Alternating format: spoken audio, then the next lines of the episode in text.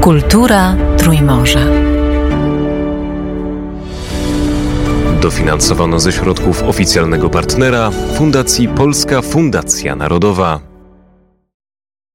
Czym jest sztuka północy i czym ona się charakteryzuje? To jest, e, to określenie sztuka północy jest coś wygodne, bo wtedy możemy powiedzieć po prostu północ Europy, ale ja e, stosuję to określenie do tak naprawdę charakteryzacji pięciu e, krajów północnych, czyli nordyckich, czyli według niektórych po prostu skandynawskich, a więc mówimy tu o Szwecji, Norwegii, Danii, Islandii i Finlandii. No i tak naprawdę mm, trudno byłoby powiedzieć, że jest jakaś jedna charakterystyka tej sztuki. Dla naszych potrzeb też tak trochę można powiedzieć z perspektywy południowej Europy, czy w ogóle takiego traktowania Skandynawii jako jednego obszaru kulturowego, no to możemy powiedzieć, że jest kilka takich cech wspólnych, jak na przykład bardzo mocne takie właściwie zakorzenienie tej sztuki w pejzażu, w naturze. I pejzaż, malarstwo pejzażowe jest e, szczególnie na przełomie XIX-XX wieku takim ulubionym gatunkiem malarskim artystów północy, e, więc na pewno natura. I można powiedzieć, że to w ogóle jest taki, mm, no taka cecha charakterystyczna skandynawskiej kultury, że ta natura, wszystko co z nią związane jest bardzo ważne. No, na pewno też możemy powiedzieć o nawiązaniu do folkloru, sztuki ludowej, czy w ogóle kultury ludowej, czy to ze względu w ogóle na y, no, samą sztukę, czyli różne takie wzory, ale też oczywiście na wierzenia ludowe. Więc tutaj wszelkie elfy, trole, e, różne postaci z baśni, e, to jest coś, co nam się ze Skandynawią chyba najbardziej kojarzy i faktycznie malarze e, też często wykorzystują te motywy. No i na pewno też jest kilka takich może motywów, które gdzieś nam się no, też no, nie pojawiają się w innych częściach świata, czyli na przykład zorza polarna albo białe noce, to często podkreślano, że to są takie powiedzmy no, tematy, których nie ma nigdzie indziej, no może w malarstwie rosyjskim trochę, ale faktycznie te e, szczególnie zorze i białe noce to jest coś, co e, malarze skandynawscy podkreślali, uważali za coś charakterystycznego dla siebie, dla swojej sztuki, dla swojego regionu. No i to też oczywiście są czasy, kiedy no, kształtuje się tak taka tożsamość narodowa, więc to malarstwo też podkreśla te elementy, których nie ma w innych krajach, żeby po prostu pokazać, że to jest nasze, e, charakterystyczne dla nas i w ten sposób możemy też powiedzieć, że no, to charakteryzuje to malarstwo. Czym wyróżnia się w takim razie sztuka fińska? Jak ją rozpoznać? To, za sztuką fińską jest e, taka łatwość, powiedzmy, że tak jak u Skandynawów e, w XIX wieku pojawiali się często wikingowie. I taki motyw, no, no wiadomo, teraz też nam się kojarzący ze Skandynawią, no to akurat Finowie nie do końca ze, ze Wikingami się utożsamiają i też nie do końca z mitologią skandynawską, którą też często mamy w malarstwie, różne motywy z mitologii, postaci, których teraz też no, znamy na przykład z popkultury. E, Finowie mają swoją własną mitologię.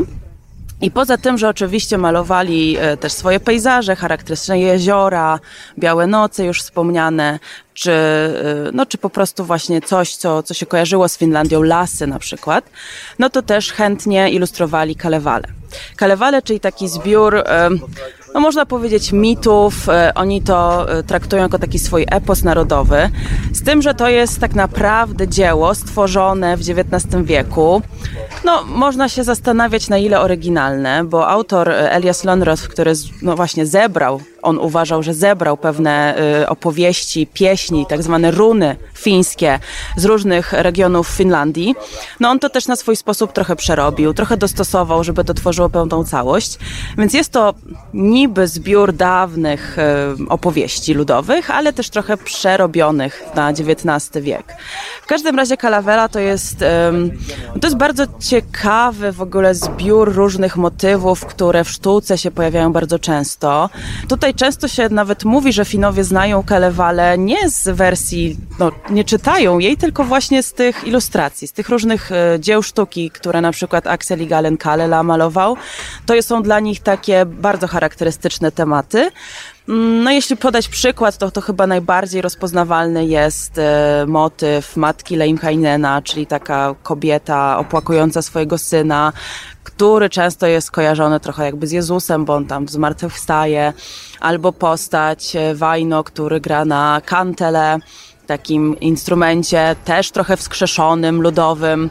Więc kilka takich postaci, które faktycznie tylko Finowie mogą znać i e, też e, Fino, Finom się kojarzyły właśnie z bohaterstwem, z odzyskiwaniem niepodległości w, na początku XX wieku. I na pewno ta Kalevala to jest coś takiego typowo fińskiego. To jakich artystów fińskich powinno się znać? Na pewno Akselego Galena Kalele.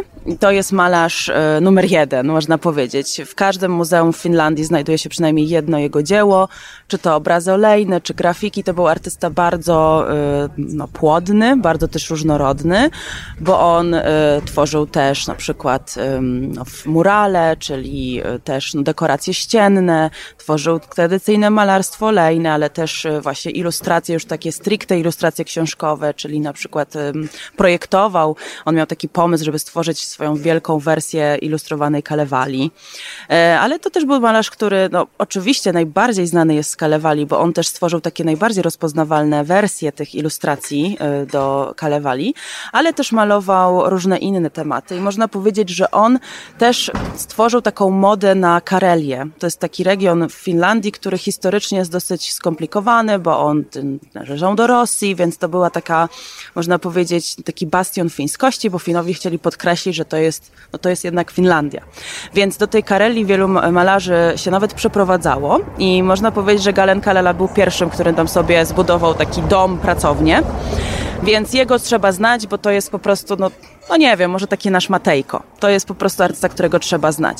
Poza tym z tych samych czasów mamy Ero Jernefelta, też bardzo takiego y, często malującego pejzaże malarza. Y, no ale myślę, że jak pójdziemy trochę później w historii, no to chociażby znana wszystkim, ale może nie zawsze jest to takie oczywiste, że była Finką, czyli Tuve Jansson która też warto wiedzieć, że była malarką. Muminki to był taki jej, można powiedzieć, e, no, marginalny projekt, który przerodził się w wielki sukces, ale ona początkowo była malarką, taką malarką, e, no już bardziej w stronę modernizmu, czyli, e, czyli no tutaj Właściwie jak oglądamy jej dzieła, to widzimy przede wszystkim portrety. Ona bardzo często malowała samą siebie, różne martwe natury mm, i jej kolekcję właśnie malarstwa można oglądać między innymi w Helsinkach. Więc na pewno warto, jak się jedzie na Finlandii, no to szukać nie tylko muminków, ale też właśnie e, sztuki Tuve Jansson. To jak już o Finlandii wszystko wiemy, to w takim razie bardzo bym Cię prosiła, żebyś powiedziała o sztuce szwedzkiej.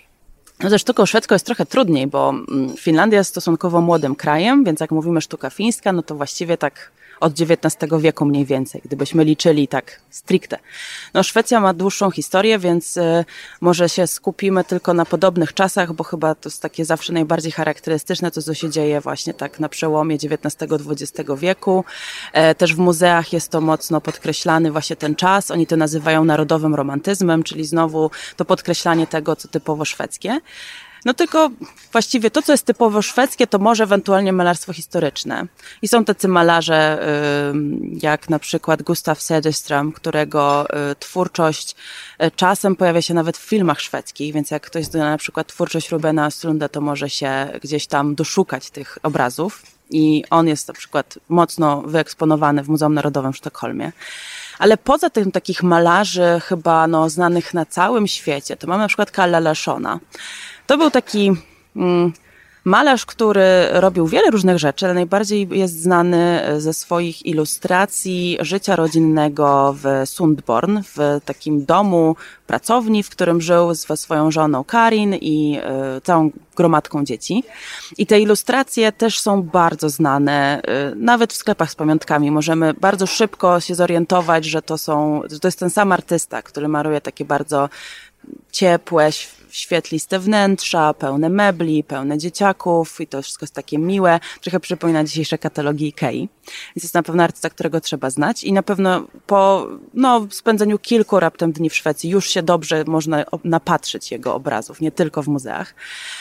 No z takich może jeszcze, no na przykład, oj, tu wielu jest malarzy wartych Poznania, ale, ale faktycznie jeśli myślimy o takich postaciach, które spotkamy w muzeach, których dzieła zobaczymy od razu, to jest jeszcze taki malarz Anderson. On z kolei na przykład bardzo mocno skupiał się na tradycjach i zwyczajach regionu Dalarna, bo znowu, tak jak w Finlandii była Karelia, tak w Szwecji Dalarna. I to jest e, taki, można powiedzieć, serce Szwecji, szwedzkości, różnych zwyczajów, więc Anderson tam mieszkał, tam żył i y, też no, na przykład przedstawiał różne zwyczaje typu y, Noc Świętojańska i jak się obchodzi Noc Świętojańską. Więc to też ta sztuka, myślę, tego czasu jest też dla nas ciekawa, bo możemy z niej się dużo dowiedzieć po prostu o Skandynawii. O, tych, y, o, tym, o tym właśnie, jaka Skandynawia jest, jakie ma zwyczaje i, i, i dlatego polecam najbardziej malarstwo tego czasu, które właśnie w muzeach różnych szwedzkich, fińskich możemy znaleźć. A jak to było? Jak to jest z ilustracją? No jeśli chodzi o ilustracje, to chyba najbardziej znane są książkowe. Chociaż... no tak, no bo nam się też myślę, y, chyba nasze pierwsze spotkanie ze Skandynawią to zazwyczaj przez książkę, więc jeżeli myślimy o bajkach z dzieciństwa, to też często y, no, okazuje się, że znamy na przykład wielkie, głównie ilustratorki skandynawskie y, dzięki tym książeczkom z dzieciństwa. E, więc czy to Tuve Jansson już wspomniana, ona ilustrowała sama swoje, swoje książki, ale na przykład w przypadku Astrid Lindgren były co najmniej dwie takie no, ilustratorki, które sprawiły, że my wiemy, jak wygląda dzisiaj Pippi czy Dzieci z Bullerbyn. Więc e, to były artystki, których niestety na co dzień tak za bardzo się nie widzi w muzeach. No to są prace papierowe, więc tutaj no, dopiero w przypadku jakichś wystaw. No ale na pewno warto wspomnieć Ingrid Nyblum, która była, e, no, można powiedzieć, twórczynią Pipi, ale malowała też inne rzeczy i to w ogóle bardzo ciekawa postać. Co do ilustracji takich już późniejszych, to oczywiście w ogóle rynek książki dziecięcej się świetnie ma w Skandynawii, chyba głównie w Szwecji. Całkiem niedawno y, umarła szwedzka pisarka, ilustratorka Gunilla Bergström, która stworzyła postać, no właśnie, Alfiego, Alfonsa, a po polsku to on się chyba nazywał Albertem. E, więc ktokolwiek ma dzieci i e, czyta im książki skandynawskie, to na pewno te ilustracje dobrze zna. W przypadku innych ilustracji to już ten rynek i, i tych, te, te, też te takie no, odnoszące sukces postaci jest ich trochę mniej. To głównie książka. A czy coś jeszcze mogłabyś powiedzieć w takim razie o tych stworzeniach fantastycznych, które w sztuce północy już generalnie można znaleźć? Hmm, na pewno można powiedzieć, że one są dosyć wspólne dla całego obszaru nordyckiego, szczególnie trole możemy spotkać i w folklorze fińskim, szwedzkim, norweskim, islandzkim. Tak naprawdę to są stwory, które też różnie wyglądają, różnie są opisywane w danych krajach, ale to też trochę wynika z tego, że no, każdy chciał mieć coś z trola dla siebie. Są też elfy, które chyba najbardziej nam się kojarzą dzisiaj z Islandią i z folklorem islandzkim jako ukryty lud Huldufolk.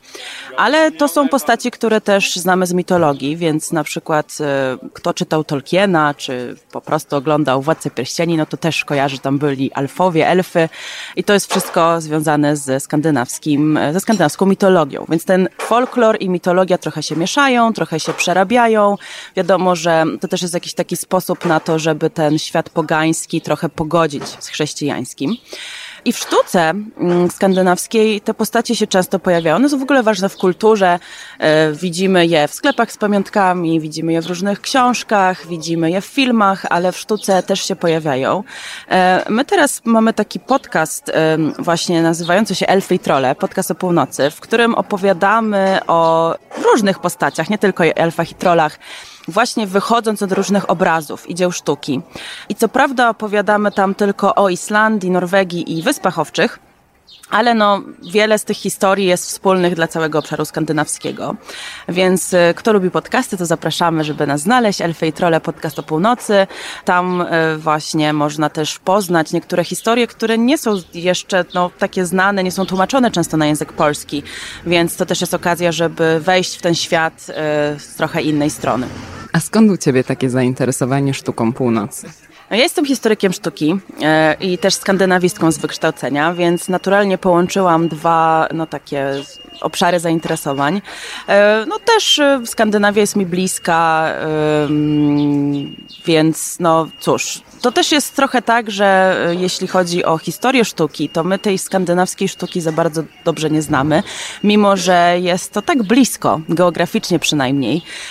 I też od pierwszych wizyt w Sztokholmie, a później w muzeach w innych e, miastach skandynawskich, e, ta sztuka zaczęła mnie bardzo intrygować. Zauważyłam, że też jest w pewnym stopniu podobna do polskiej, więc postanowiłam się wgłębić i ją po prostu pokazywać na swoich mediach społecznościowych. Działam jako Utule Tule i mam e, różne konta, czy to na Instagramie, czy to na Facebooku, czy to na YouTubie. Opowiadam o tej sztuce północy, żeby ją też przybliżyć polskiej publiczności. Teraz zresztą jesienią będzie okazja ją zobaczyć na własne oczy, bo będzie wystawa w Muzeum Narodowym w Warszawie, więc no, mogę już wszystkich zaprosić, e, żeby sobie zapisać w kalendarzach to wydarzenie. To będzie pierwsza taka szeroka prezentacja sztuki skandynawskiej, właśnie z tego czasu przełomu XIX-XX wieku. Będzie można też porównać sobie to z sztuką polską, jaką znamy. Więc mam nadzieję, że dla polskiej publiczności to będzie taki dowód, że to jest jednak dosyć blisko, bliżej niż nam się wydaje i że ta sztuka jest warta poznania. A przed wystawą zapraszam na Utule Tule, żeby się już przygotować do tego wydarzenia. O sztuce północy opowiadała nam Emiliana Konopka. Kultura Trójmorza. Dofinansowano ze środków oficjalnego partnera Fundacji Polska Fundacja Narodowa.